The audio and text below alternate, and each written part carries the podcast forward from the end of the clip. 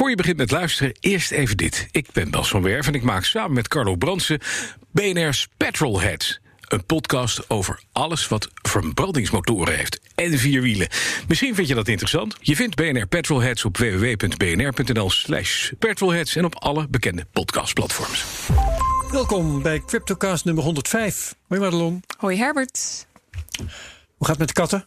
Oh, het gaat fantastisch met de katten. Zijn ik, ze had al het, ik had het al verteld dat ze vorige week werden ze echt een beetje irritant. En nu. Oh, jij zei dat ze toen op hun leukst waren... dat ze nog irritant gingen worden, ja, volgens mij. oh, oh, nou ze zijn nu wel echt goed irritant. Ze plassen overal. En ik heb ze al uit de gordijnen moeten vissen. En ik heb al een jurkstuk omdat er na. Nou, ze zijn verder echt super schattig. Iedereen eh, die, die reageert ook heel leuk op. Ja, ja, Ja, zeker. Maar eh, bekend in, ja, eh, ze zijn wel een beetje vervelend.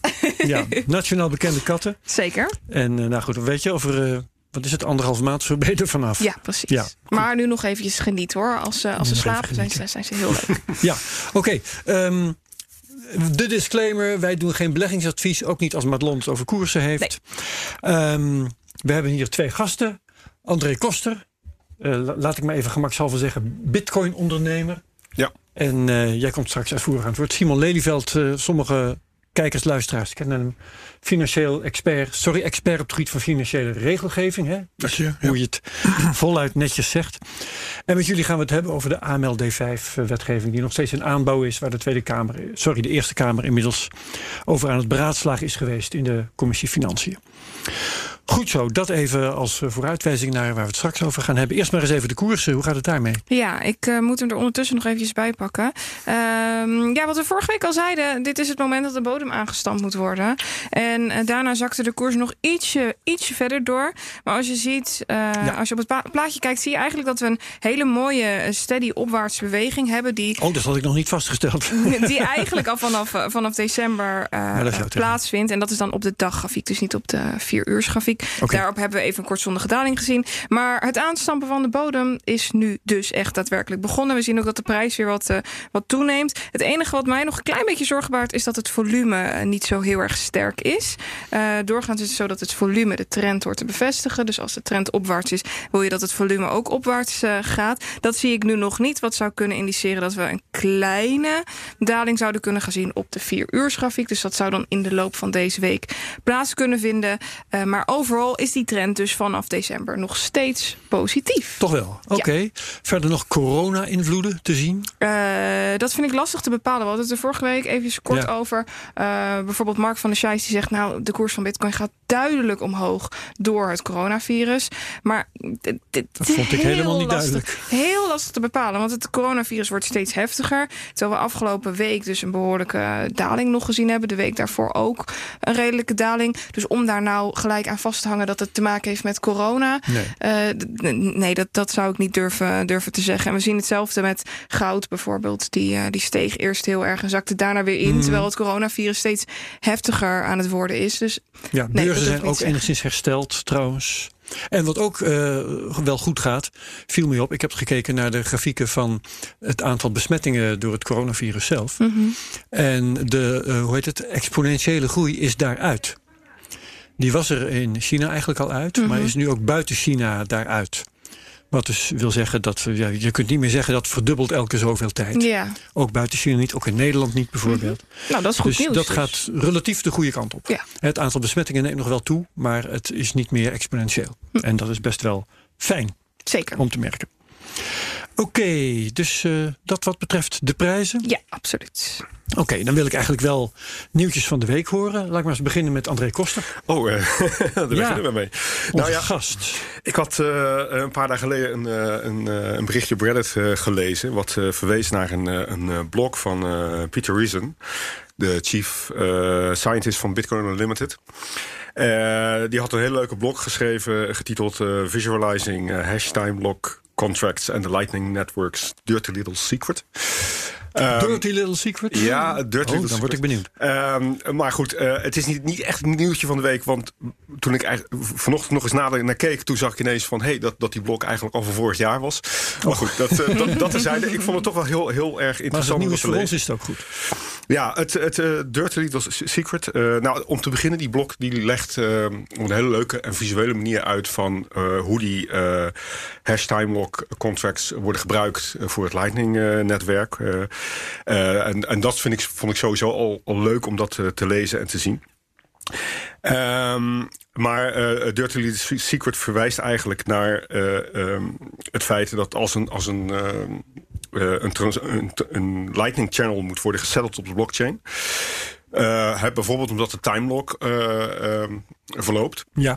Ehm, dat dan eh, de, de inhoud van de transactie eh, boven het dust-limiet moet liggen. Een Omdat bepaald anders- minimum. ja, precies. Hè? Ja. En dat is gecorreleerd aan, aan de fee eh, van een eh, bitcoin-transactie. Dat ja, als, je, als je iets probeert eh, te besteden wat onder, onder de fee ligt, dat, dat heeft eigenlijk geen zin.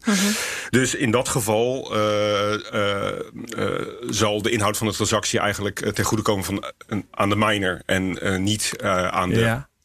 aan, de, aan, de, aan degene die de transactie heeft geïnitieerd. Nou, zolang dat dustlimiet eh, klein is, wat het nu nog is... ehm, is dat niet zo'n probleem. Hè? Want dan heb je het eigenlijk over... nou, dan, dan verlies je misschien een paar dubbeltjes. Dat Ja. is, eh, niemand die er wakker van zal liggen.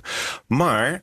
eh, aangezien in de toekomst eh, ehm, eh, de veiligheid van de blockchain eh, volledig gefinancierd moet gaan worden met transactiefees. Ja, hè, hadden we het vorige week over. ja, eh, nu is het zo dat, dat een blok eh, dat, dat, dat brengt ongeveer eh, 100.000 euro eh, eh, aan inkomsten eh, genereert dat.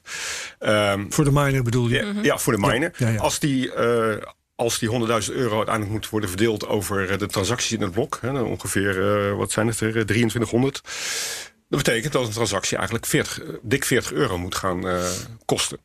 En dan heb je dus wel toch wel een serieus dust limit.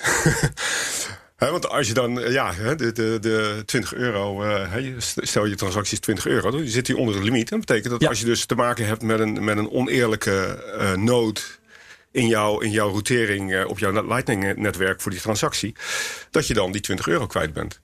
En dat ondermijnt dus de premisse van dat zo'n dat, dat zo'n Lightning-transactie, dat het eigenlijk wel min of meer tegelijk te vergelijken is met een Bitcoin-transactie. Transactie, en dat je, dat je ook geen eh middleman hoeft te vertrouwen. Dat ondermijnt dat dus wel toch wel eh, op, een, op een serieuze wijze. Eh, en eh, nou ja, goed. En daarmee de, de functie van bitcoin als betaalmiddel. Inderdaad, ja. Want dat, hè, eh, Lightning-netwerk is toch altijd gepresenteerd als eh, de plek waar je de spreekwoordelijke koffie kan afrekenen. Ja, En eh, ja, en het ziet er toch naar uit dat je dat eh, zowel, zowel voor de koffie als voor de pizza.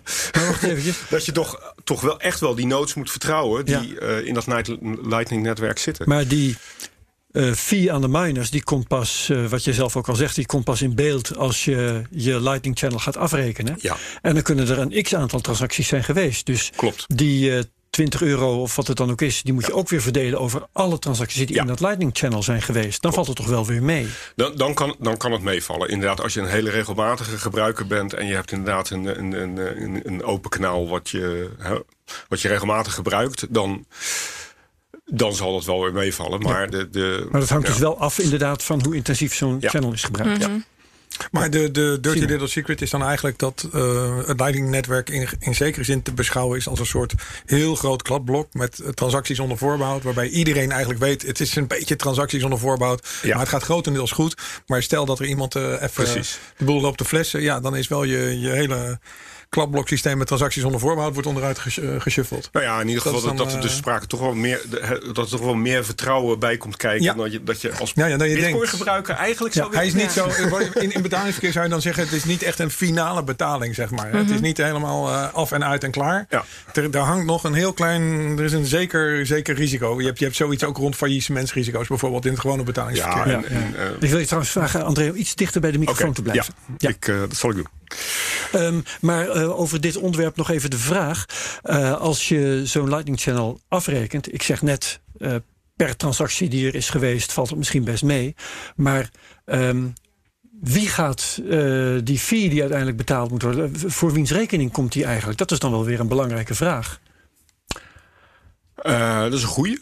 Uh, ik durf het uit mijn hoofd niet, niet zo direct te zeggen. Weet een van de andere heren dat misschien? Maar ik denk dat dat gebeurt op het moment dat je een, een channel opent. Dus Mm. op het moment dat jij je, je bitcoin zeg maar... Uh, Ja, of dat je het sluit. Ja. Maar in ieder geval degene die daar het initiatief toe neemt. Ik denk dat je, dat, dat je de transactie al creëert op het moment dat je hem opent. En daar hoort dus ook een fee bij. Dat zou natuurlijk ook kunnen. Maar je hebt denk ik volgens mij openen en sluiten. Ja, Als beide zijn allebei handelingen. Ja. Exact. Ja. Ja. Oké, Dus, eh, dat houden we even in gedachten als een vraag die eh, nog een keer gesteld gaat moeten worden. Zijn er ook al oplossingen voor dit probleem gevonden? Uh, nee. Dat, uh, Want dit is iets wat ik voor het eerst hoor. En als jij zegt, het is nieuws wat eigenlijk nou, al... Als je, het, als je het wilt nalezen, google even HTLC en Dirty Little Secret. Dan vind Ja. je de blog van Ja, of, of Peter stuur Risen. ons de link even. Ja, we zetten hem dan even in de show Kunnen we notes. hup, de show notes in en dan kunnen we ook mensen daarom commentaar. Uh, ik ben sowieso een fan van Peter, Peter Risen. Van de manier waarop hij dingen uitlegt. uh, dat, in Ja. Hele begrijpelijke taal. En dat, uh, dat, Oké. Terwijl het wel om best wel complexe zaken gaat. Dat, uh, Stuur die link, wij zetten hem in de show notes en dan kijken we wat het verder eh, reacties oplevert. Madelon, Ja, ik had nieuws over eh, Duitsland dit keer. De financieel toezichthouder van Duitsland heeft namelijk richtlijnen gepubliceerd. Waaronder cryptomunten zoals Bitcoin worden geclassificeerd als zijnde financieel instrument. En ik ben een beetje gaan googlen en een beetje gaan zoeken van, nou, wat, wat, wat betekent dat nou eigenlijk? En um, ik kwam het persbericht tegen van um, BaFin, hoe noem je dat in het Duits? De, de toezichthouder, ja. precies, de toezichthouder van, uh, van Duitsland. En zij schetsen hier eventjes uh, kort wat er nou in die richtlijnen staat. En daar staat het volgende. Een digitale weergave van een waarde die niet is uitgegeven door een centrale bank of overheidsinstantie en die niet per se gekoppeld is aan een door de wet gespecificeerde valuta. Het is een niet-juridische status en een valuta of geld. Maar wordt uh, geaccepteerd als een medium of exchange en kan elektronisch worden verzonden, opgeslagen of verhandeld. En dit is dus waar ze alle cryptocurrencies, of eigenlijk alle digitale uh, uh, tokens, coins, assets ondergooien -hmm. onder één noemer. En mijn vraag is eigenlijk: wat betekent dit nou concreet? Ik krijg dat. Ik, ik, nergens zie ik staan wat dit, wat dit nou daadwerkelijk betekent. En Simon, zou jij hier iets verduidelijken? Volgens mij, wat je, wat je net voorlas, is eigenlijk de definitie van een, een virtual asset. Ja. Zoals wij een virtual asset definiëren. En mm -hmm. wat de Duitse wetgever doet, is eigenlijk zeggen: virtual assets beschouwen wij als financieel instrumenten. Mm -hmm. En dat is dus de, de eerste laag is virtual asset. En de tweede laag is een virtual asset zien wij als financieel instrument. In Nederland is dat niet het geval. Het ministerie van Financiën heeft een brief gestuurd al, al jaren geleden.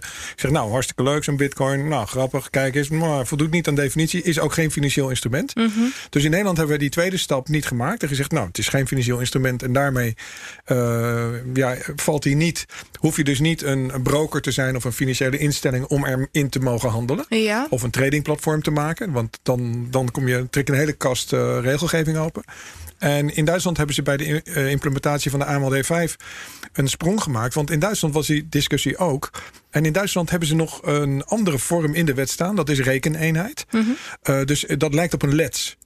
Dus je hebt een soort virtuele rekeneenheid die je kan gebruiken om in onderling ruilverkeer met elkaar af te rekenen. Nou, dat is een aparte categorie voor in de Duitse regelgeving. Dat namelijk... staat in Nederland dus niet? Nee, die hebben we niet in Nederland. Okay. We, we, maken de lets wel mogelijk op een andere manier. Maar die categorie ontstaat, is ontstaan omdat in Duitsland ooit in de jaren 30 zo'n systeem is gemaakt. Dus ja. daar heb je rekeneenheid uh, als entiteit. En de kwalificatie in Duitsland was tot nog toe... zo'n bitcoin, ja, dat moet je dan maar als zo'n soort rekeneenheid zien. Die is dus niet gereguleerd als financieel instrument. En met de invoering van de AMLD5 zeggen de Duitsers... ja, weet je jongens...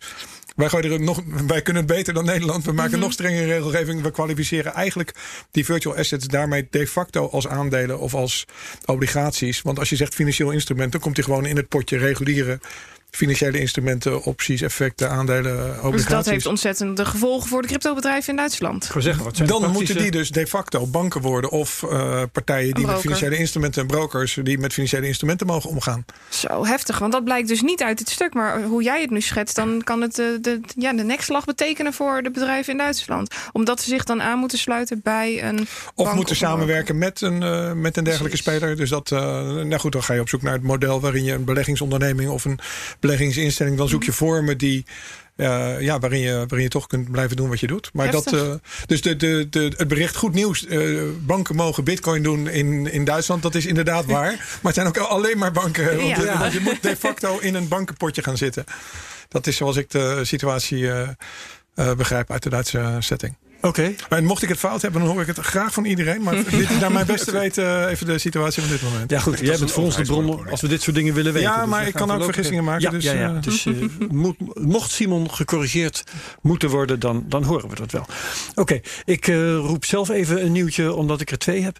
Um, ik heb ook in de crypto-update woensdagochtend al gemeld uh, dat er uh, tegenwoordig een corona-coin is. Ja, ik zie jou verbaasd kijken, maar had je dat nog niet gehoord? Nee. Wist jij het al, Simon? Nee, nee, die is nieuw. Oké, okay, nou goed.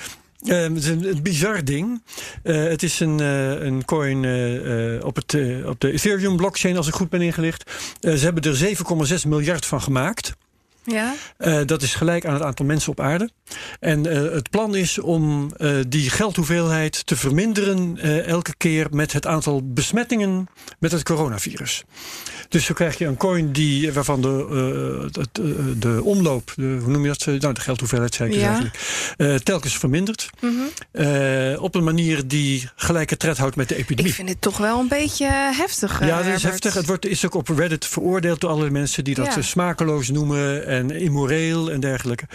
Um, er Hoe was ook die... iemand die commentaar leverde. Als dit soort dingen worden. Um, worden bedacht, dan is de cryptokoorts blijkbaar weer helemaal terug. Vond ik ook wel een mooie vondst. Hmm. Um, en je speculeert dus op een ding dat meer waard wordt naarmate, naarmate de epidemie voortschrijdt. En dat is precies ook waar jij zo bedenkelijk over kijkt nu. Ja, ik, ja. ik zit eventjes een stapje verder te denken. En, en nog even los daarvan. Uh, hoe wordt die coin verspreid? Wie, in wie, wiens handen is je dit? Je kunt hem uh, op dit moment kopen op een aantal redelijk obscure exchanges. Maar dat betekent dus ook dat er nu één partij is die deze coin heeft gemaakt. Ja. En dat die coins nog in de wallet zitten van die partij. Ja, nee zeker. Dus het is 100%. Dan zou ik, dan zou ik zeggen van het is los van dat het onsmakelijk is, zou het ook nog eens verboden kunnen zijn. Omdat je dan in feite een soort handel in levensverzekeringen of handel in risico op. Oh, dat zou ook nog ja. niet. Nee, dat, dat, dus er zijn wel. Ja, ja nee, er is meer aan de hand ook. Want ja. je, als je gaat naar coronatoken.org, dan vind je dus. nou, dat is een site die hieraan is gewijd. Uh, daar uh, wordt een link gepresenteerd naar een white paper. En als je daarop klikt, dan krijg je niks. Dus het is een, ik wilde het melden omdat het er nu eenmaal is. En ja. omdat het uh, leuk is ja. om, het er eventjes, om het even krachtig te veroordelen. Um, maar het is dus inderdaad een. Uh, het, het, het, maakt een redelijk malafide indruk. Ik heb ook geen software kunnen vinden of mm -hmm. zo die, uh, die hierbij hoort. Wat, je, wat ook wel leuk zou zijn uh, in een dergelijk geval. Dus CoronaCoin. Um, maak ook een link naar. Maar uh, ik, uh, ik, denk dat we in dit geval bij wijze van beleggingsadvies dat we nooit geven zeggen, we, laat je hier niet mee in. Nee, absoluut niet. Wegblijven. Simon, wat is jouw nieuws? Uh, nou, een artikel in de correspondent van Dimitri Tokmetsis. Um, die eigenlijk heel netjes op een rij zet van ja, hoe zit het nou met terrorisme, financiering en crypto? Ah. En alle opgeblazen lucht die daarin gepompt wordt door alle regelgevers, zeg maar, volledig leeg, leeg haalt. Altijd als excuus gebruikt voor de regelgeving. Ja, hij zegt jongens, ja. echt, echt in de verste verte niet. Uh, cash is het uh, primaire middel. En, en ja, laat je niet foppen door, door alle verhalen ja. dat het anders is. Hoezeer die verhalen ook uh, anekdotisch aansprekend zijn. ja, is, zit daar geen realiteitsgehalte onder. Dus dat was ja. een prachtig artikel. En tegelijkertijd zal de politieke realiteit zijn dat, dat het niet gehoord of gelezen wordt in politieke zin. Nee, want, want daar is... is... het gewoon, als je het vlaggetje waait, het poppetje zet van de terrorismefinanciering en crypto, dan zegt iedereen: ja, ja klopt, dat is waar. Maar ja, ja dat, dat, dat, is niet zo. En ja, het blijft goed dat we dit soort artikelen schrijven en dat we verduidelijken, jongens, uh, fake news. Precies. Oké, okay. dankjewel uh, daarvoor. Um, dat zullen we ook in de show notes zetten. En dan had ik er nog eentje. En dat is. Oh ja, het feit dat in uh, India het Hoge Rechtshof ja, ja. heeft gezegd: jongens, dat cryptoverbod, dat doen we toch maar niet. Um, is niet proportioneel, dat was het, uh, het argument dat ze hebben gebruikt. Uh, wat een klein luikje openhoudt om het later eventueel op een, op een pro proportionele manier alsnog te doen. Maar in ieder geval, sinds april 2018 was, waar, was aan um, binnenlandse financiële instellingen verboden om bankdiensten te leveren aan cryptobedrijven. En dat verbod is nu vooralsnog opgeheven. Dus dat is wel weer leuk nieuws. Dat uh, voor zover het, uh, het, nieuws betreft. Uh, dan stel ik voor dat we eigenlijk nu eerst even met André gaan praten. Want we hebben jou uitgenodigd in het kader van alle gedoe rondom de AMLD5-wetgeving. Ja. En um, dat is omdat jij zelf aan ons hebt gemeld van ja, ik, ik ben een kleine crypto-ondernemer. En als dit op deze manier doorgaat, dan zal ik er helaas mee moeten stoppen. Ja, dus, inderdaad. Dat. Uh, dat was inderdaad, uh, dat is mijn insteek. Uh, en vertel ik... dan eerst eventjes wat voor cryptobedrijf je eigenlijk runt. Ik heb een, eigenlijk een, een klein wisselkantoortje. Wat ooit oorspronkelijk als hobby begonnen is. Mm -hmm omdat ik in mijn Hoe lang geleden? Dat was al in uh, 2014. Oké, okay. mooie periode. Ja, het was een hele mooie periode. um, maar uh, oorspronkelijk vanuit mijn enthousiasme van, van ik wilde graag andere mensen op weg helpen met, uh, met bitcoin. Ja. En um, ja, en in Nederland had je toen, toen de tijd uh, Bit, uh, Bitonic, uh, waar ik zelf Zeker. mijn eerste bitcoin heb gekocht. En ik wist dus uit ervaring van hoe belangrijk het is dat, dat je een een, een, een, partij hebt waar je gewoon een klein beetje bitcoin kan kopen, zodat je er een beetje mee kan spelen, een beetje feeling kan krijgen. En ik had zoiets van ja, dat, dat is. Uh, dat wil ik, bij, ik, wil, ik wil andere mensen ook daar graag mee op weg helpen. Ja. Zo, zo is het begonnen. En uh, um, ja, en op een gegeven moment uh, uh, werd dat steeds, uh, ja, dat groeide alsmaar, zeg maar. Ja. dus ik, ik, ik ben actief op peer-to-peer -peer, trading platformen. En ehm, Uh, in de loop der jaren is dat steeds groter geworden. Op een gegeven moment ging uh, uh, mijn bank die ging, mij vragen van... Goh, hoe komt het nou dat dat je van heine en verre, want ik, ik, ja, ik, ik wisselde dus voor mensen in heel Europa. Uh, dat van heine en verre uit heel Europa con, continu maar geld uh, op jouw bankrekening komt. Uh, komt toch het geld vandaan?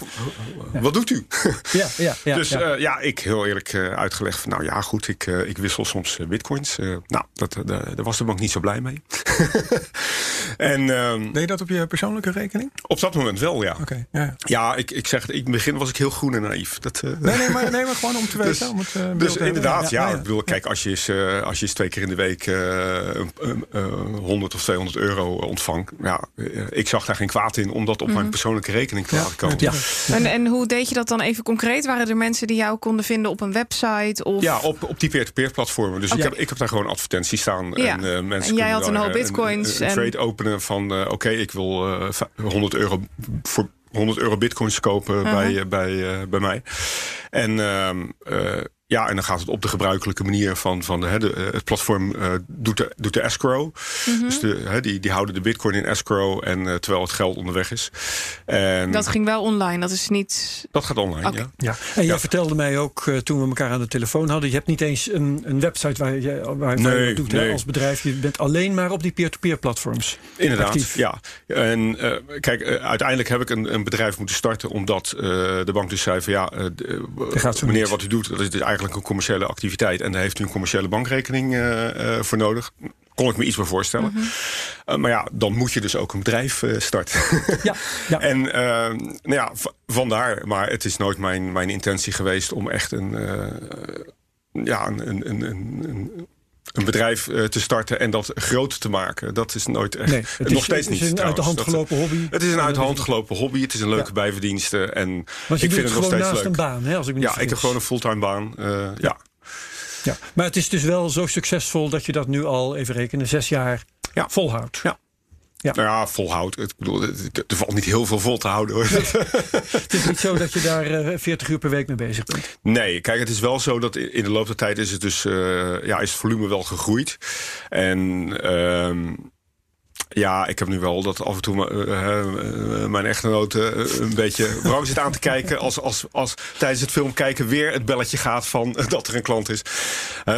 ja, voor, voor jullie begrip. Ik, ik heb zo ongeveer misschien uh, een, een, zeven transacties op een dag. Ja. En uh, ja, maar dat is dan wel verspreid over uh, s ochtends vroeg tot s avonds laat. Dat, maar dat, is, dat geeft af en toe wel een beetje inbreuk, inbreuk op je privé, privéleven. Maar het is dan natuurlijk aan mij de keuze van als ik niet gestoord wil worden, kan ik hem ook uitzetten. Dat... Ja, en je kunt je vrouw natuurlijk vertellen, we kunnen het wel van op vakantie. Nou, of, nou, dat, dat is hem al, maar het, desalniettemin kan ik het nog steeds aan hem vertellen. Dat, ja, ja. Um, Even kijken hoor. Eh, en hoe, eh, waar, waar haal jij dan je bitcoins vandaan? Hoe doe jij dat Gewoon zelf? van de beurs. Dat, Ja, dus, exchange. Ja, vooral kraken. maar, Ja. ja. En jouw klanten kunnen die dat zelf dan niet? Dat vind ik dan wel, wel weer Dat intrigerend. is, een, dat, is een, dat is een goede vraag. En dat, dat heb ik mezelf ook wel eens af en toe op, op ja, me dat afgevraagd van waarom eigenlijk. Nou, dat heeft ermee te maken met het type klanten wat ik krijg. Het zijn voor een groot deel zijn het beginners. Dus, eh, en, en dan kijk ik even naar mezelf van hoe ik dat heb gedaan. Van op een gegeven moment eh, kom je in aanraking met bitcoin. Je gaat je erin verdiepen. Je wordt enthousiast. En ja, dan wil je wat. Dan wil je doen. Nou, als je dan naar een beurs moet, dan, eh, ja, dan moet je eerst door die registratieprocedure heen. Is het toch wel een stap dan? Dat, dat, ja. de A, dat is een hele stap. Eh, dat, dat duurt een paar weken. Eh, dus, dus als je eenmaal in die enthousiaste fase zit en je, en je wil wat bitcoins hebben, dan wil je ze eigenlijk snel. En zoals ik in de tijd dat eh, mijn eerste bitcoins bij Bitonic heb gekocht. eh, ja, die, de mensen die ik krijg, een deel daarvan, dat zijn dus inderdaad starters. En eh, ja, en dus die, die, die vinden het fijn om direct die bitcoins eh, te kunnen En het krijgen. gaat ook met gelijk oversteken, als ik je goed begrijp. Ja. Je zit in een Ja. platform waarbij Ja. je dus als je beginner bent en denkt, ja, jeetje, wat moet ik nou met die. bit- Nou ja, oké, ik ga het proberen, denk Ja. je dan. En dan is het heel fijn als je een platform hebt waarin je weet, als ik mijn geld stuur en de bitcoins eh, niet komen, krijg ik mijn geld terug. Precies. En als ze wel komen, komen de bitcoins. Dus Juist. je hebt een no-risk instapmodel Ja. eh, voor, voor dat deel van de klanten die Ja. je hebt. Ja. En, en eh, ehm, ze kunnen dus ook makkelijk kleine, eh, kleine bedragen kopen. Ja. Eh, dus eh, dat is een deel van mijn cliëntele. Mhm. Een ander deel van mijn cliëntele is... dat zijn eigenlijk mensen die gewoon een beetje lui zijn. Hè, ik heb een aantal klanten die gewoon iedere maand eh, eh, 150 euro's aan bitcoin kopen, zo, zal ik maar zeggen. En ik kan de klok recht op gelijk zetten. En ja, die zouden natuurlijk ook heel makkelijk gewoon een account bij een, bij een beurs kunnen openen. Ja. Maar dat, die doen dat dus niet. Omdat, die- ja, die hebben, denk ik, eh, het idee van, nou goed, eh, dit is wel iets duurder, maar dit is, dit is wel heel makkelijk. En eh, ja, die, die bitcoins die worden op, na verloop van tijd toch... Kijk, als je doel is van, van ik verwacht dat, dat het rendement ja, een factor 10 in vier jaar is, zal ik maar zeggen. Wat, wat op historisch wel een beetje klopt. Ehm, ja, dan maakt het niet zoveel uit dat je een paar procent Klopt. bovenop je bitcoins betaalt. Dat, dus eh, Klopt. Ja, oké. En ehm, dit, dit is het soort, ehm, het soort handel waarvan Mark van der Scheijs ons een paar cryptocast geleden heeft verteld dat het in China eigenlijk de plaats van exchanges heeft ingenomen. ja, Dus heb jij eigenlijk klanten uit China? nee, ik heb alleen maar Dat klanten. Ik heb, eh, kijk, ik accepteer alleen maar eh, betalingen van Europese bankrekeningen via SEPA. Eh, Is daar een reden voor dat je dat doet? Ja, dat is, daar is een reden voor. Dat is, dat is één, de kosten. Hè, als, je, als je dus eh, ja, internationale eh bankoverschrijvingen accepteert... dan moet je daar ook extra kosten voor maken. En, en ja, voor de bedragen waar ik mee werk is dat dan niet, niet zo leuk. Hè, als je 100 euro krijgt en je, moet er dan, eh, je krijgt dan een rekening van, eh, van 6 euro voor je bank... omdat je... geld uit China ontvangt, zal ik, ik maar zeggen. Dat gaat niet werken. Eh, dat, dat is één reden. De andere reden is, is re- regelgeving. Ik had er wel intuïtief het idee van... ja, als ik, als ik me eh, hè, beperk tot het, eh, hè, het European Payments Area... ehm, dat, dat zal er misschien ook, ook op het gebied van die regelgeving... wat minder problemen met zich meebrengen... qua van waar komt dat geld vandaan... en hoe zit het met de identiteit van de, van de verzender. Want ja, die mensen die ik, eh, mijn klanten... die hebben allemaal een Europese bankrekening. Dus die hebben zich ooit bij een bank moeten identificeren. Ja. Eh, dus Moeten ze zich ook identificeren bij dat peer-to-peer platform? Ehm, in eh, nou, vroeger niet. Eh, die regels zijn wat stre- strenger geworden. Ehm, eh, dus dat heeft te maken met. met eh, ik, ik weet het niet precies uit mijn hoofd, maar dat komt omdat ik zelf ook geen klant ben op, die, op, op mijn eigen platform. Maar eh, op een gegeven moment, als je volume toeneemt of, of het aantal transacties wat je doet, dat neemt toe, Ja. dan moet je op een gegeven moment wel eh, identificeren. ja. ja, oké. Maar goed, en, maar, en, en heb, heb jij je als handelaar op de platform wel moeten identificeren op allerlei manieren? Dat heb ik moeten doen. Ja. Eh, en, en ook van mijn klanten, als ik een nieuwe klant krijg, dan moeten zij zich ook aan mij identificeren. Met een selfie, identiteitsbewijs. Eh, dus eh, ja. Ja. En heb jij, eh, heb jij veel collega's? Ik bedoel, zijn daar veel handelaren actief? Is, is, misschien moet ik die vraag eerst stellen. Zijn die platforms 100% aan het verhandelen van bitcoin gewijd? Ja. Oké. Ja, en hoeveel handelaren zijn er dan actief? Oh, dat zijn er echt. ja, het, het, het probleem is een beetje. Dat zijn de concurrenten van jou, hè? Allemaal. ja, ja en nee. Kijk, er zijn heel veel eh, betalingsmethodes. Mhm. En die handelaren die vallen eigenlijk- uiteen in de diverse betalingsmethodes. En, Ah. En dan krijg je, als ik dan, in concurreer mijn. je niet eens met elkaar omdat je verschillende doelgroepen hebt.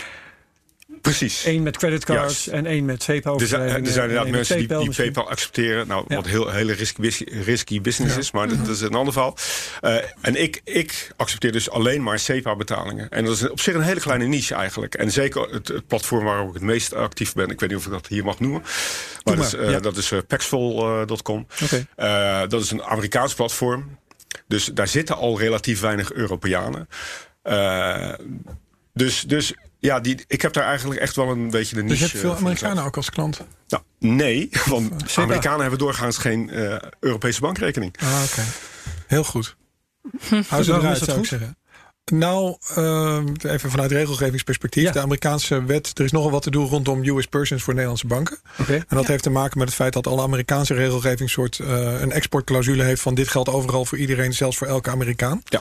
Eh, dus je wilt gewoon geen Amerikanen in je boeken hebben. Omdat, nee, ja, heel simpel, omdat de regel is, ook al vinden ze in Nederland dat je dan niet onder de wet, eh, hè, stel dat ze hier vinden dat je niet onder de wet crypto valt, dan vinden ze het in Amerika wel. En dan gaan ze je op grond van Amerikaanse regelgeving hier eh, een, een juridisch oor aan naaien. Eh, dus, dus, eh, en daar zijn, daar zijn eh, door ING-bank is er natuurlijk over beleggingsproducten het nodig over te doen geweest. En eh, er is voor één crypto-onderneming in Nederland ook een expliciete uitspraak van het College van de Rechten van de Mens geweest. eh, waarin staat: U mag inderdaad Amerikanen weigeren omdat de disproportionaliteit van die regelgeving zo groot is. Dus je mag ze de deur wijzen. eh, want je hebt er gewoon onevenredig veel last van, van de Ja, ja, ja, ja. repercussies. Ja, ik, ik heb sowieso ook. Ik, ik kan zien eh, waar het IP-adres eh, zich Ja, bevindt van, ja. van eh, Dat check iemand die, die Dat check ik ook. En een aantal landen die sluiten ook uit. En inderdaad, de Verenigde Staten is daar één en, en geboorte, Ja. dat zijn, dat, dat zijn de, ja. de US Welke landen sluit je nog meer uit? Ehm, eh, Nigeria, India, Pakistan. Om welke reden? Nou, eh, India en Pakistan, omdat daar heel veel oplichters eh, eh, zich huishouden. Nigeria. Nigeria, ook wat van gehoord. Ja. Ja, ja. Verenigde Staten inderdaad van de, van, vanwege die regelgeving. ja, en dan inderdaad eh, Ghana. Eh, even kijken, welke zitten er nog meer op mijn lijstje? Nou, dat, dat zijn wel de, de belangrijkste, geloof Ja, ik. eh. ja, ja, ja, ja. Goh, interessant. Ehm, ja, dan komen we gele- geleidelijk aan op het terrein waar Simon ook eh, voor staat. Dat, dat beginnen we trouwens al te merken, want die hoort zich. Ehm, jij zei dus, eh, daarmee kwam je bij ons, van, ja, met die AML D5-wetgeving, eh, dat ga ik niet volhouden. Hoe zit dat precies? Leg eens uit. Nou ja, ik, eh, toen ik daar dus van hoorde, toen dacht ik van oké, ik, ik ga mij eh, registreren bij de Nederlandse Bank. Nou, de eerste hoorde was al eh, dat ik, eh, ik moest daar e-herkenning voor hebben, voordat ik überhaupt het was dus niet zo dat je meteen zei van, oh, dat gaat kosten opleveren, weg mijn marge. Dat heeft zo totaal geen zin. Nou ja, dacht, kijk, er waren een heleboel geruchten, maar ik wil graag de feiten horen voordat ik, voordat ik dat soort beslissingen neem. Dus ik, ga daar dan gewoon met een heel open vizier in. Dus, ja, dus ik moest eerst de e-herkenning aanvragen. Nou, ik, ik gedaan, zodat ik kon inloggen. Dat- Daar gaat dan een maandje overheen. Dat, eh, voordat Had je je, dat had je aangemeld voor die sessie op 8 november in een vroege fase? Dat je Nee, je dat, toen, toen, eh, toen wist ik het nog niet. Ik was daar net te laat oké. mee. Dat, Ah, eh, ja, ja. maar goed, toen kon ik eindelijk inloggen bij het loket van de Nederlandse Bank. Ehm, en dus het, het, het, het, draft of het concept inzien van, van hoe die Ja. registratie dan Ja. in zijn werk zou gaan. Nou, het eerste is dan waar ik mee geconfronteerd werd, is eh, dat je 5000 euro aan leges eh, moet betalen. Wow. En ehm, eh, onafhankelijk van of de registratie, en ik doe even air quotes omdat het eigenlijk een vergunning is, naar mijn Voor de idee. videokijkers. Ehm, ongeacht of die registratie nou lukt of niet lukt, die 5000 euro ben je kwijt. Kan de registratie dan ook niet lukken? Ja, Wanneer lukt die niet? Als je niet aan de regels voldoet. Oké, ja, ja. Als je bestuurders niet betrouwbaar zijn. Dus stel je hebt eh, die, die 5000 zit hem. Het Ja. is een soort package deal. Eh, in principe, als je twee bestuurders hebt voor een onderneming, dan zou je ongeveer op 2500 per bestuurder komen. En eh, naar ik de fee-structuur begrijp, is het zo dat ze zeggen: oké, voor 5000 krijg je twee bestuurders en je registratie. Dus een soort instapmodel. Dat, dat nou ja. Eh, dus, maar wel 5000 maar wat- om te gaan registreren. Duidelijk. Maar wat zijn bestuurders in het geval van André die een eenpitter is? Eh, dat is er dan maar één, zeg ik. Want Ja, en daar- althans, ik zie en een eenmanszaak komt- met één bestuurder. En daar Ja, komt dus ik, ook eh, precies een probleem eh, om de hoek kijken. Omdat ook al in, eh, in die regels duidelijk wordt gemaakt... dat eh, belangenverstrengeling eh, een, een potentieel probleem is. Dus als de, de, de eigenaar te, inv- te veel invloed heeft... op de gang van zaken binnen het bedrijf... eh, dan moet je toch duidelijk maken hoe je dat gaat voorkomen. Dus je moet eigenlijk Schizofreen worden, toch? precies Ja. verschillende afdelingen hebben binnen je bedrijf. Ja. En dat kun je dan Ja. dus niet zelf besteren. Nee, dus eigenlijk een eenmanszaak is al zo, zou al sowieso, denk ik, een onhaalbare kaart zijn. Je zou Ja. op zijn minst een BV moeten hebben... en misschien ook wel personeel moeten aannemen... om, om überhaupt die schotjes te kunnen Ja. plaatsen. Eh, daarnaast moet je dus, er zijn dus allerlei eisen omtrent eh, de, de training van je personeel. Hè? Hoe, hoe garandeer je dat ze voldoende kennis hebben? Ehm, daar komt eh, nog iets bij eh, op het vlak van eh, compliance. Er moet een compliance-functie in je bedrijf zitten, een auditfunctie. Nou, mag ook geen eh, belangenverstrengeling verstrengeling bij optreden Nee, natuurlijk. nee, nee. Dus, dus ik, ik- ik zag toch de bui al hangen dat, dat de, de kans toch niet on- onaanzienlijk is eh, dat ik niet eh, ja, voldoende aan die regels zou kunnen voldoen. Is het überhaupt noodzakelijk dat er zulke strenge regels gelden voor een eenpitter zoals jij? Los van de kosten en los van de belangenverstrengeling, moeten de regels inderdaad strenger? Ben je het daarmee eens?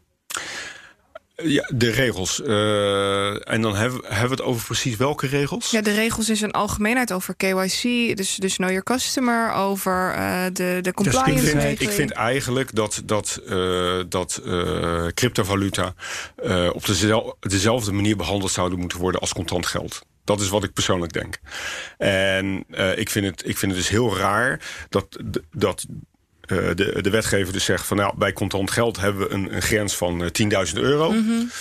Of wat die dan ook op dit moment is. Maar er is een zekere ondergrens van oké. en dat je dan bij cryptovaluta zegt van eh, de ondergrens is nul. Hè, ook als je 50 euro aan bitcoin koopt, eh, dan moet je behandeld worden alsof je een, een, een contant geldtransactie van 10.000 euro do- doet. En dat, vind ik, dat vind ik persoonlijk heel eh, raar en ja, disproportioneel. Ja. Is het dat ook uit oogpunt van financiële regelgeving? Nou, ja, het voert terug op, eh, dat is voor het fijnproevers. Als je de richtlijn bekijkt en je kijkt naar het verschil tussen eh, juweliers en crypto-aanbieders. Ik- De juweliers hebben pech, want ik haal ze iedere keer als voorde- voorbeeld aan. Ja. Maar, in elk geval, in elk geval is duidelijk. de AML D5 die wordt voor een juwelier van toepassing als het grensbedrag van 15.000 euro is overschreden. En voor de crypto dus dan moet je spelers, gaan kijken. dan pas gaat die hele AML die- D5 beetje gelden. Dus de scope, de scope van de AML D5, als je 100% zeker alle transacties onder de 15.000 euro hebt, kun je juwelier zijn zonder dat de AML D van toepassing is. Juist. Maar voor de crypto eh, aanbieders en de wallet eh, hosters is gedefinieerd dat die grens niet telt. Dus als je een duppie doet, is de AML D5 van toepassing. En dat is omdat men zo bang en bezorgd was. Dat, dat, ja, en daar, dat is eigenlijk de eerste stap waar het disproportioneel begint te worden. Ja. Want jij zou in feite voor een model, als, als die grens er wel was, dan had jij, kun jij gewoon heel simpel zeggen: Nou, ik, ga, ik doe gewoon niks meer dan 15.000 euro. Ja. Dan, heb je nog, dan zijn er nog allerlei technicalities. Dat als ik twee keer 10.000 doe, dan is dat boven die 15.000. Dan Nee, maar dat komt is al- weer in beeld en zo. Maar Dat is al mijn staande praktijk. Want dat, die limieten heb ik, ze- ze hanteer ik zelf al. Van, eh, van klanten mogen bij mij niet te veel en te vaak eh, wisselen. Ja, Eh, je wilt geen tonnen tegelijk eh, nee, door je nee. handen zien gaan. Nee. Nee. Ja. Nee, dus stap 1 is inderdaad dat je zegt van nou dat, dat grensbedrag dat had, dat had niet onderaan moeten liggen, maar op die 10.000.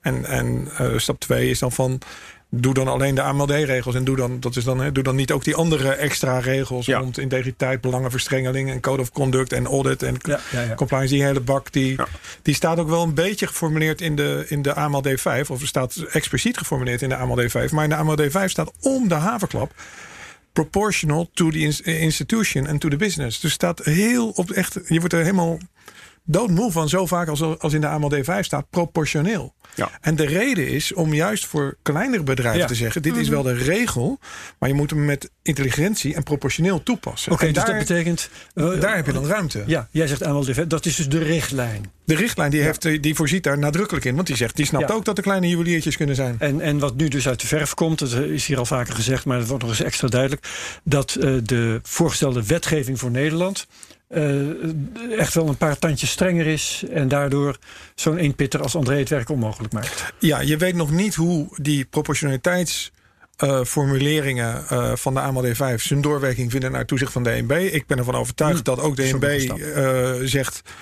Wij kijken er op proportionele manier naar. Dus die zullen echt, echt de grotere aan een andere standaard houden dan de kleinere. Dat, dus dat zal in ieder geval gebeuren. Ja. Uh, er is wel de vraag van ja, wat doe je met een paar van die ingevlogen eisen uit de WFT? Maar dat is een soort van andere discussie. Ja, nee, precies. Dus want dat, wat, eh, wat, nu, wat nu al blijkt uit het verhaal van André, dat is dat de allereerste stap die hij probeert te zetten, dat die eigenlijk alleen maar gezet kan worden door bedrijven A met een bepaalde minimum omzet. Ik weet niet waar je dan naar moet denken, maar je moet in elk geval een BV zijn, personeel hebben, noem maar op. Ehm, en B ben ik vergeten. Maar, dus, maar Nou ja, is- die, maar die is wel zijn een- wel die uh, op voorhand op tafel moet leggen. Die, en die Ja, zo dat- Ja, ja, dat- ja, ja, ja, en dan krijg je nog jaarlijkse kosten van toezicht die onbekend Ja, zijn. Hè? maar- Ja, want die inderdaad, rekening die, jaarlijkse kosten, uitgesmeerd. Ja. De kosten van het toezicht die komen eh, er later nog bovenop. Elk Stel de registratie die lukt, Ja. dan krijg je jaarlijks de kosten van toezicht. En klopt. niemand weet wat dat gaat worden. Zou dat dan betekenen dat de kleinere cryptobedrijven eh, buiten die registratieplicht zouden vallen? Of moeten ze zich dan alsnog registreren, Simon? Nou, het goede nieuws voor André is volgens mij dat. eh, maar dat ligt wel aan jouw specifieke situatie. Dus nou ja, om, om daar nu heel gedetailleerd op in te gaan, dat zou, zou heel ver voeren. Maar het goede nieuws is dat de definitie spreekt over eh, bedrijfs- en beroepsmatig uitvoeren van je bedrijf.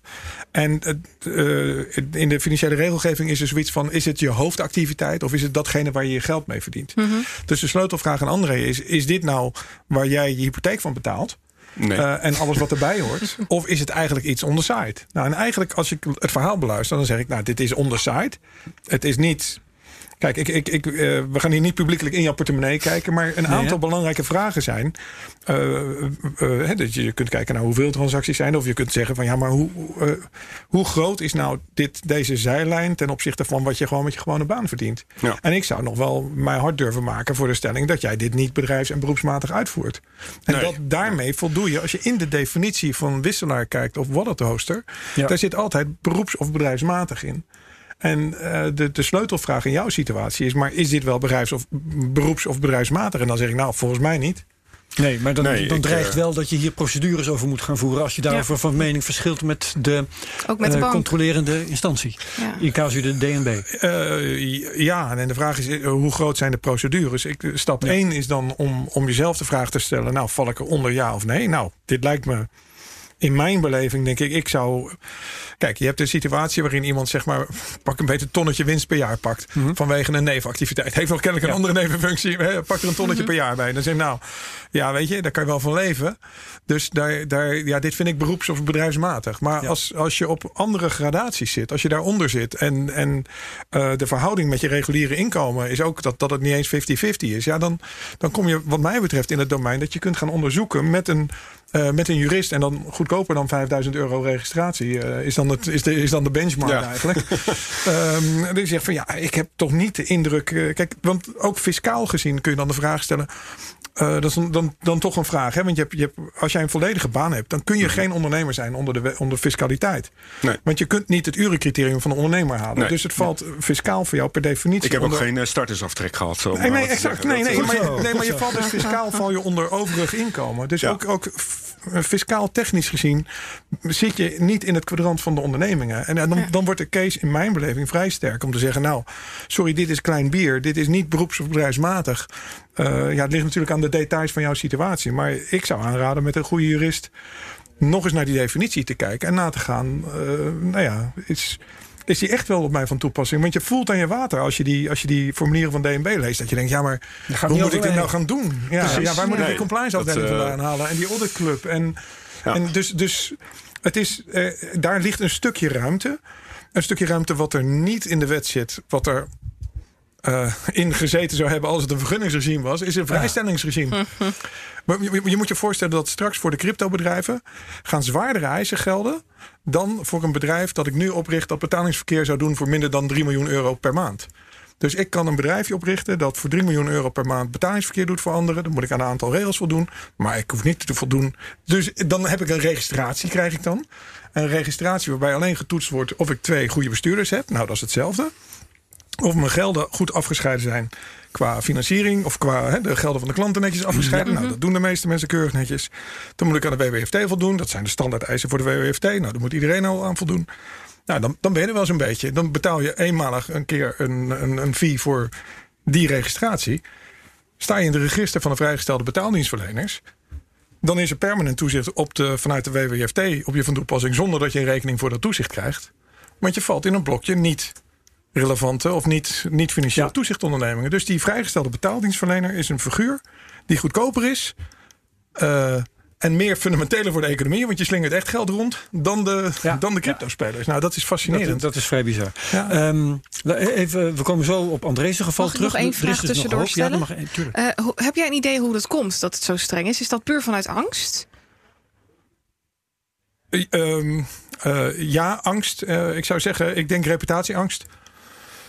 Dus DNB, die eh, een toezichthoudende rol op zich af ziet komen, denkt eh, in de klassieke manier van DNB, wat je al 15 jaar lang terug kan lezen in alle stukken die naar het parlement gaan. Help, we moeten toezichthouder. We, we hebben te weinig bevoegdheden. Mogen we alsjeblieft een onsje meer bevoegdheden? Nou, dat is een standaard vraag die ze stellen.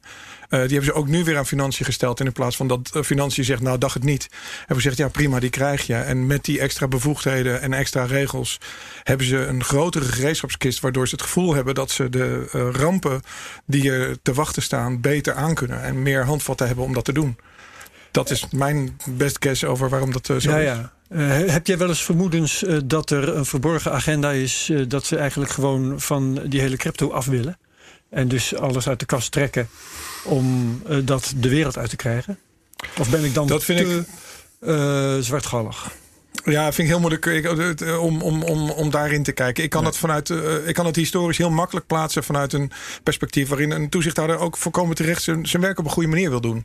En probeert het maximale binnen te halen. Ja, weet je, dat, Ja. dat, dat probeert iedereen die zijn werk probeert te doen. Die probeert zijn eigen gereedschapskist zo vol mogelijk te maken. Want Ja. dan kun je het doen. Ja, dan, dan kun je nog de vraag stellen van... Ja, ben je niet je rugzak te groot aan het opladen voor de reis die je gaat maken? Ja, dat is een terechte vraag. Maar dat... dat eh, Oké. eh, ja. Oké, goed. Ehm, nu even de lotgevallen van die wetgeving in de Eerste Kamer. Hè, want het is aangenomen door de Tweede Kamer. Hebben we hier uitvoerig over gepraat met Mahir Alkaya. Ehm, nu eh, is het in de Eerste Kamer beland. Minister Hoekstra eh, die zit de Eerste Kamer achter de vodden. Want wil graag, eh, omdat Europa hem weer in de nek hijgt... dat die wetgeving er snel doorkomt. Wat is op dit moment de stand van zaken? Er is deze week in de Financiële Commissie van de Eerste Kamer over gepraat. Ja, dus minister Hoekstra die had een brief gestuurd en zegt... eh, ik heb drie wetten en één daarvan... daar wil hij het raad, advies van de Raad van State over. Het UBO-register, zeg maar het miljonairsregister. Dus hij zegt, oké, die gaat dan vertragen. Maar kun je die andere twee even voortvarend aanpakken? Met, uh, met behoud van zorgvuldige uh, analyse en dergelijke. Nou, uh, de wet verwijzing bankportaal bankgegevens, daar heeft sowieso niemand wat over gezegd. Dus die routeert vanzelf naar de plenaire agenda voor een, uh, als, als hamerstuk. En wat resteert is dan de implementatiewet crypto. Of de implementatiewet met onder andere de, de crypto-registratie uh, slash vergunningsdiscussie. Ja. Mm-hmm. Daarover is vastgesteld dat er extra vragen gesteld gaan worden. En er zijn drie fracties die die vragen nu aan het stellen zijn. Uh, dus daar komt uh, zijn, simpel geformuleerd een extra rondje vragen. Mm-hmm. Want de minister had in de eerste ronde. Dus er, er, is een eerste ronde geweest waarin de minister antwoorden had gegeven. Dat was groot, grootschalig copy-paste vanuit antwoorden van de Tweede Kamer. Dus je kon niet echt zien dat er maatwerk antwoorden op de vragen werden gesteld.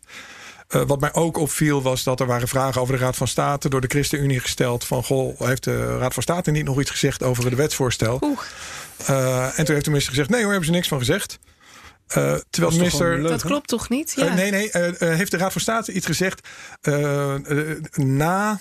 Na hun eerste Ah, advies. Dat okay. was eigenlijk het verhaal. Okay. Okay, okay. Maar dan nog komen we bij het punt uit dat de minister zegt: nee, dat, nee ja, eigenlijk doet alsof zijn neus bloedt. Terwijl die op 5 februari, dat is een week voordat hij die brief schreef, een advies van de Raad van State over de lagere regelgeving heeft gehad. Mm -hmm. En als de Raad van State nou werkelijk geen, helemaal niks aan te merken had, zou ik als ambtenaar opschrijven. Trouwens, we hebben inmiddels advies van de Raad van State binnen. Kat in het bakje, maak je geen zorgen. Maar dat is niet opgeschreven, terwijl dat advies er wel lag. Ja, ja, ja. En dan moet je dus de vraag heel letterlijk nemen. Heeft de Raad van State nadien nog iets laat zich, van zich laten horen over de teksten van het wetsvoorstel? Dan is het antwoord nee. Maar als de vraag had geluid, heeft de Raad van State nadien nog iets laten horen over de lagere regelgeving? Oh, dan had het antwoord ja. geweest. Ja. Uh, ik heb hier een advies liggen van de Raad van State van 5 februari. En daarover ja, weet ik niet. Dan kan je kiezen wat je zegt als minister. Ja. Dus daar zie, je, daar zie je een heel raar spel. Er ligt dus gewoon feitelijk nu een advies van de Raad van State. achter de schermen bij Financiën. En Financiën communiceert daarover niet naar de Eerste Kamer. En jij weet ook niet wat er in dat advies staat? Nou ja, ik heb een bruin vermoeden dat als hun eerste advies zo stellig is. Dat ook dit tweede advies eigenlijk zal luiden: deze ANVB kan uit de aard van de zaak niet, niet bestaan. Heb Want- jij enig idee waarom, ze, waarom er niet naar wordt gevraagd? Waarom er niet op de goede manier wordt gevraagd, zodat dit duidelijk naar boven Als komt? ik vind, als, als een parlementariër vraagt wat vond de Raad van State ervan, dan vind ik dat je als ministerie gewoon die vragen ruim moet opvatten. En moet zeggen, trouwens, ik heb ook een advies van 5 februari binnen en daar staat het volgende in. Maar we hebben dat eerder gezien, een brief eh, van Privacy First en VBNL over de FATF-regelgeving in juni. Eh, een hele grote brief over privacy. Er komt een antwoord terug van de minister waar het woord privacy niet eens in staat. En waar a- en passant vergeten is dat er een zeer zwaarwegend advies van de autoriteit persoonsgegevens al sinds maart in de kast ligt. Daar wordt ook niet aan gerefereerd. Het klinkt bijna alsof er gewoon een, een, een, een soort reden is waarom ze dit ontwijken. Nou, ik zeg dan dat het is gewoon bureaucratische dementie of anderszins. Of eh, ik weet niet. Ik, Is het als laksheid ik, of- Mm, Ik, ik heb geen idee. Ik kan alleen zien dat die stukken er liggen. En als iemand vraagt om informatie, dat er slechts zeer gedeeltelijk een antwoord wordt gegeven. En dat, dat helpt niet bij de discussie. Nee, dat soort dingen die brengen mij dus tot eh, eh, in geval het, eh, het vermoeden Ja. Dat er ook, natuurlijk ook best een complot tegen crypto gesmeed zou kunnen worden. Maar, maar ik, Ik ben ja, niet voor complottheorieën, maar Maar ja, dan hadden ze hetzelfde kunnen doen als in Duitsland. ja, dat had ook gekund. Want daar heb je in één keer eh de klap Ga ze nou niet op ideeën brengen. Oh, sorry. Oh, nee. Oh, nee. Ik had het niet moeten zeggen. Ja, ja, ja. Ja, nee, nee. Ja, dat, dat hadden ze kunnen doen. Dat kan altijd nog. Dan moet er een nieuwe wet komen. Zijn we weer een Ja. jaartje verder. Nee hoor. Dat, eh, Ja. Dus hoe nu verder? Eh, dus hoe nu verder? Dus nu is het wachten op. eh, ja, ik heb de vragen nog niet gezien, maar die zullen vast ergens deze week. En die komen waarschijnlijk e- even Bekend een worden? slag staan van SP, D66, Eh, ChristenUnie. nee, zo? D66 is, is merkwaardig stil. Eh, Je kunt verwachten. eh, er staat in het lijstje dat SP heeft vervolgvragen. Want die hebben geen antwoord gekregen op hun vraag. De ChristenUnie heeft ook aangekondigd vragen te stellen. En de groep eh, Henk Otte heeft vragen Ah, zo. Ja. in petto. En dus we, moeten, we kunnen die gaan bekijken. En dat zal de gebruikelijke thematiek zijn, denk ik. Is het rechtmatig onder de Raad van State? Ja, proportioneel. En in hoeverre is het proportioneel in de zin dat je zegt van ja, wat kost die geld nou helemaal? En, en kunnen de, wat gebeurt er met de kleine innovatieve ondernemers? Eh, zijn Ja. die straks allemaal weg omdat de kosten van toezicht zo hoog zijn? Ja. Dus dat, dat is denk ik de, dat, dat ja, iets in die sfeer zal het worden. En dan komt er heel snel een reactie van financiën. Want die hebben, als, je- als je zelf snel wil zijn met wetgeving, dan heb je dus nu al mensen die klaarstaan om die antwoorden te geven. Eh, dus in principe verwacht ik een vrij snel antwoord van financiën. Maar dan komt weer de vraag terug van... oké, maar wat voor type antwoord is dat? Is dan een type antwoord van... ja, weet je, dat, dat 5 februari advies van de Raad van State... dat is de moeite van het noemen niet waard? Of wordt er serieus met de vragen omgegaan? En ik, hoop, ik blijf hopen dat er gewoon gedegen goed antwoord van de financiën Ja, komt ja, ja. op die vragen. En weet Verwacht, je, oh, ja. sorry. Eh, verwacht je dat er nog vragen gesteld worden over dat advies van 5 februari? Ehm, ik heb geen idee. Ik heb geen idee of de partijen daarop op aangeslagen zijn. Ik heb het zelf pas ook, ook eh, ik bedoel, eh, ik heb het ook pas eergisteren nog eens dat ik dacht van, hey, hoe zit dat eigenlijk? Dat advies is dat al een keertje klaar? Dus ik heb het zelf ook pas eergisteren ontdekt dat het eh, in 5 februari klaar was. Ja. En wat trouwens nog boven de markt hangt, dat is dat eh, als dit allemaal aangenomen zou worden, dan, eh, dan zou nog steeds de eh, Europese Commissie kunnen oordelen dat deze wet, eh, zoals die in Nederland ligt, eigenlijk veel te ver gaat. Niet proportioneel is. Ehm, ja, maar dan, dan moet het eerst aangenomen worden. Ja. Eh, En als het aangenomen wordt, zelfs als je dan de dag daarna die procedure start, dan ben je toch gewoon probleemloos twee of drie maanden verder voordat je een antwoord hebt van de, of hebt van de commissie of ze dit in behandeling gaan nemen en Ja. hoe en wat. Dus die de, de pro, ik weet niet hoe proactief de commissie. De commissie gaat hoe dan ook wachten tot die formeel wet is. Dus ja, eh, dat, dat is in zekere zin toch mosterd na de maaltijd. Het, Ja. het is denkbaar, maar de, de aard van de procedure is heel lang. Ja. Eh, en ja, en wellicht zou je op een andere route daar zou je over moeten nadenken of het anderszins eh, ja, zinvol zou zijn. En in plaats van die Europese Commissieprocedure een, een, een rechtszaakprocedure te doen of zo. Maar Ja. Wanneer verwacht jij hier meer duidelijkheid over? in de snelste situatie kan het ministerie deze week de antwoorden hebben. En dan zouden ze volgende week bij de eh, Eerste Kamer kunnen liggen. En een week daarna kan de Eerste Kamer dan weer eens nadenken over de vraag: moeten er nieuwe vragen komen of niet? Ja. Of moet het naar Oké. plenair? Maar dat eh, is ook eh, het onderdeel zorgvuldigheid. Hè? Hoe gaat de Eerste Kamer zijn taak verder opvatten? Ja, d- maar in mijn snelste tijdlijn zi- zit je, nou ja, wat is het? Begin april ergens in die sfeer. Of half april. Ja. En weet jij hoe de gedachten nu liggen in de Eerste Kamer? De potentiële stemverhoudingen? Eh, nou, ik denk dat zoals je in de Tweede Kamer hebt kunnen zien, er slaan geen mensen op aan. Wat mij opvalt is dat ehm, in de Tweede Kamer gisteren uitgebreid gesproken is over, over de, de bizarre situatie van een geheim registratiesysteem bij de Belastingdienst waar allemaal fraudeurs in zitten. Ja. Eh, en dat de, Potentiële fraudeurs. precies. Eh, en dat de collega's bij de Eerste Kamer drie wetten hebben voorliggen die in essentie hetzelfde regelen, maar dan voor de toekomst. Namelijk te ver gaan, te veel noteren. Eh, en, en grote vraagtekens die er te stellen zijn bij de proportionaliteit en de, de privacy, zeg maar. Ehm, maar dat 1 en 1 geen 2 is. Dus dat, dat men meegaat in de gedachte: laten we het versneld afhandelen, laten we aan de slag gaan. Terwijl je reden genoeg, kijk, dat, dat systeem van de, van de Belastingdienst, dat is uit de lucht. Ik zeg, nou, daar hoef je niet meer over te discussiëren. Dat is het niet meer. Discussieer over de nieuwe systemen die, er, die er gaan komen. En, en, en eh, zorg dat je daar alert op bent. En dat is. Dus ik vind het jammer dat er relatief weinig aandacht is. Ik denk dat er te weinig aandacht is. Ook een partij als D66, die laat dat echt liggen hier. Terwijl ze zich erop beroepen op dit punt heel, eh, heel eh, scherp te zijn. Ja. Dat, ja, dat is ontzettend jammer. Maar ja. Dus Ja. het zijn wat kleinere. Eh, partijen die, het, die de oog op de bal houden. Ja, maar je hebt het hier- is er. Je hebt het hier eerder gezegd, maar eh, ik geef je de gelegenheid om het te herhalen. Eh, dat soort onheil, hè, zoals bij de Belastingdienst, die, dat illegale registratiesysteem, dat, dat voorzie jij hier ook. Ja, we hebben de kindertoeslagenaffaire gehad. En iedereen dacht, oh, wat, wat schandalig. En eh, nu valt Hoe heeft dit, dit kunnen gebeuren? Hè? dit, Dit nu valt dit systeem uit de kast. Het is voor mij evident dat het het topje van de ijsberg is. Als we daar het deurtje openmaken bij de Belastingdienst... vinden we allerlei spulletjes die er helemaal niet thuis horen. Meer nog dan die staatssecretarissen nu weten. Eh, dus als je dat nou weet... Ja, dan zou, ik, dan zou ik voorzichtig zijn als Eerste Kamer. Maar goed, ja, weet je, ik ben de Eerste Kamer niet. En misschien Ja. is dat maar goed ook. Dat weet ik niet. Ehm, even terug naar André Koster. Ja. Want ehm, nou ja, de, de, Simon biedt jou dus hoop. Dat is, eh, Ja, dat geval- klinkt goed. Dat Eh, is, eh, dat is eh, punt positief 1. nieuws. Ja, Ehm, maar wij hadden het, eh, toen je hier binnenkwam, toen dacht je nog, ik moet stoppen met, met mijn bedrijf. Ga je dat, was je dat sowieso van plan? Is je plan nu veranderd? Eh, of ben je je bedrijf al gestopt? Hoe is jouw Nee, nee, nee, situatie nee, nee. Ik ben nog steeds vrolijk, vrolijk bezig. En, eh, eh, en oorspronkelijk had ik ook het idee van, nou ja, goed, eh, hè, de Nederlandse bank eh, die heeft ook een eh, overgangstermijn voor bestaande bedrijven van een half jaar. Ik dacht van, nou ja, goed, dat kan ik dan nog eh, even, even uit, eh, uitzingen. Ja. Eh, maar mijn voornemen was wel dan aan het eind van die overgangsperiode om dan de handdoek in de ring te gooien. Maar nu ik dit hoor, ga ik dat wel heroverwegen. Dat, want Ja. ja, ik, ik blijf liever gewoon lekker doen wat ik doe. En ja, Ja. Nou ja, en je kan een tandje minder, zodat je partner op de bank eh, en jij samen rustig tv kunnen kijken. Dat is, en, dan, en dan zit je precies onder die grens waarin je professioneel bezig bent. Ik zie echt een win-win mee zijn. situatie. Ja. Oké, ik maak iemand anders blij. Oh, sorry. nee, maar dat, Maar dat eh, zou, nee, maar een van de modellen zou kunnen zijn dat je, dat je daarin, dat je eigenlijk je volume omzet eh, in de gaten houdt, beneden een bepaald niveau houdt en zegt, nou ja jongens, nu kan je echt niet zeggen dat dit mijn bedrijf en mijn beroep is. Dus Ja, nee, goed. En ja. Dat, dat is niet. Wil ik ook niet dat het wordt. Ik, ik heb een hele Ja. Leuke baan en die wil ik graag houden. En, Ja, eh, dus ja, dat- precies. Ik heb nooit die ambitie gehad om, eh, Ja, om dat te veranderen. uitstekend. Ehm, dus dat is, eh, dat is jouw eh, vooruitzicht, hè, dat je dit, dit verder gaat uitzoeken. Ja, Ehm, en eh, bedankt Simon. elkaar gedaan. En eh, in het ergste geval, dan zou je dus op termijn van een half jaar of zo, zou je de handdoek in de ring moeten gooien. Maar dat is alleen als blijkt Ja. dat, eh, de, dat de strengste vorm van die regels op jou inderdaad van toepassing is. Oh ja, en dat moesten we nog bespreken.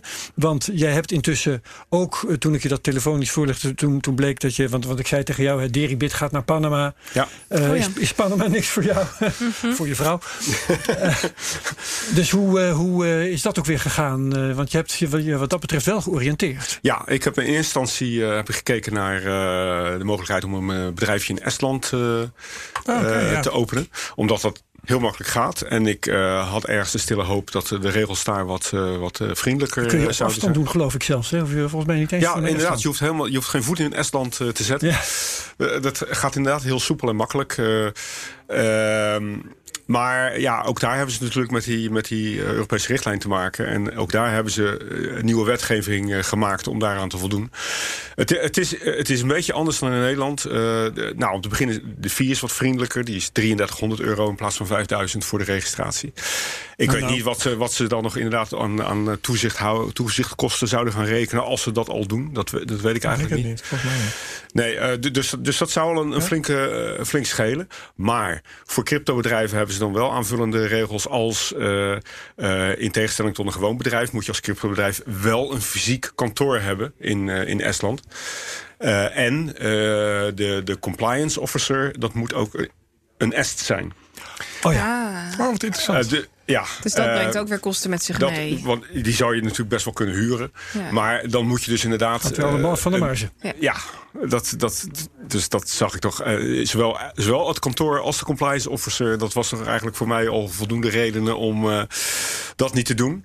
Eh, verder heb ik ook nog even gekeken naar de, de, de, de Malta-optie. De Malta-optie, ja. Ja. Interessant. Ehm, ehm, m- nou, dat heb ik niet, niet zo diepgaand eh, onderzocht als, als de, de Estland-route, zal ik maar zeggen. Maar eh, een van de dingen die daar mij eh, ook een beetje afschrok... was dat je daar een, een cursus en een examen moet doen als cryptobedrijf. Dat, dus dat, dat zou dan toch een... een wat, voor, een- wat voor cursus zou dat zijn? ja, dat... dat Oké, dan zoeken we op. ja, nee, goed. Het, het artikel kan ik, kan ik je nog wel nasturen. Maar eh, eh, wat, wat niet erg eh, bemoedigend was... dat het bij de eerste lichting dat twee derde zakte voor het examen. Oh. Dus het is wel serieus. Het was een serieus Goed examen. Ja, Ja. of, of de mensen hadden zich echt niet goed op voorbereid. Maar Dus dat, het dat, bezwaar is niet direct de kosten of dat je naar Malta moet daarvoor of zo, maar eh, het niveau zou best nou ja, kunnen zijn. goed, ik bedoel, En, en misschien ook wel niet proportioneel. Precies. Dat, eh, dus ik, eh, Want ja, wat, wat moet je verder weten voor wat jij doet? Hè? Je doet Ja. het al, dus Ja. wat is het probleem? Precies. En, en eh, ja, kijk, de, de, de problemen waar ik in de praktijk mee te maken heb... die zitten toch meer op, de- op, het, op het vlak van, eh, van, van oplichters... die eh, bitcoin proberen te gebruiken om mensen op te lichten... Ja. dan dat ik te maken heb met wiswassen... en al helemaal niet met, eh, met terroristen. Dat, eh, ik dat, daar kan ik me echt Die helemaal niet voorstellen. nodig. Dat, Nee, precies. Ja. Oké, nou, dat is duidelijk. Eh Madelon, heb jij nog vragen? Aan Nee, volgens mij hebben we nu ook de laatste vraag behandeld. Ja, Dat dacht ik ook. yes. Goed zo. Nou, ehm, helemaal goed. Eh een van jullie nog iets mee te delen of eh, wat wij helemaal vergeten zijn en eigenlijk hadden moeten bespreken? Nee, volgens mij niet. Nou, ik, ik, ik wil nog even postuum eh, eh, eh, jou bedanken, Herbert, voor het feit dat jij mij op het spoor van Bitcoin hebt gebracht. eh. Ik heb jou de vraag niet gesteld, hoe ben je ooit met crypto in contact gekomen? Nee, Omdat ik dat nee. wist. nee, en dat was Tel dus. Dat, ja, dat was dus omdat ik op die druilige dinsdagavond eh, naar huis reed en eh, op BNR jouw eh, Internet vandaag eh, Wauw. column hoorde. In 2014. In 2013, 2013 oktober zelfs. 2013. Ja, ja, ja. ja, Ja, ja. ja, mooi. En ehm, eh, met het verhaaltje over eh, die man in Oslo eh, die eh, van zijn 25 dollar aan bitcoins een appartement had gekocht. En ik dacht, Ja. dat wil ik ook wel. Nou, Nou, dat is toch wel heel Herbert. bijzonder. Ja. Het was me waar genoegen, André Koster. En succes met je onderneming. En veel sterkte met eh, de Zijn bijbaantje bedoel je toch? Zijn bijactiviteit. Pardon, Oh ja, was. Als we Simon toch niet hadden hier. Dankjewel voor de correctie. Met je neefactiviteit. Dus succes. Simon, jij bedankt. Graag gedaan. En succes met eh, het in de gaten houden van Tot de, de volgende regelgeving. keer. Ook Ja. voor ons, Madelon, dankjewel. Herbert, natuurlijk bedankt. En Zoals iedereen, altijd. ook luisteraars en ook kijkers op YouTube. Tot volgende week. Eh, like ons op Twitter. Deel ons op, eh, wat is het ook weer, Apple Podcasts en waar niet allemaal. Vergeet en niet te abonneren op, op YouTube. Ja, precies. En heel binnenkort dan eh, gaan onze video's er anders uitzien. Maar dat verklappen we later. Ja. Bedankt allemaal. en tot ziens. Dag.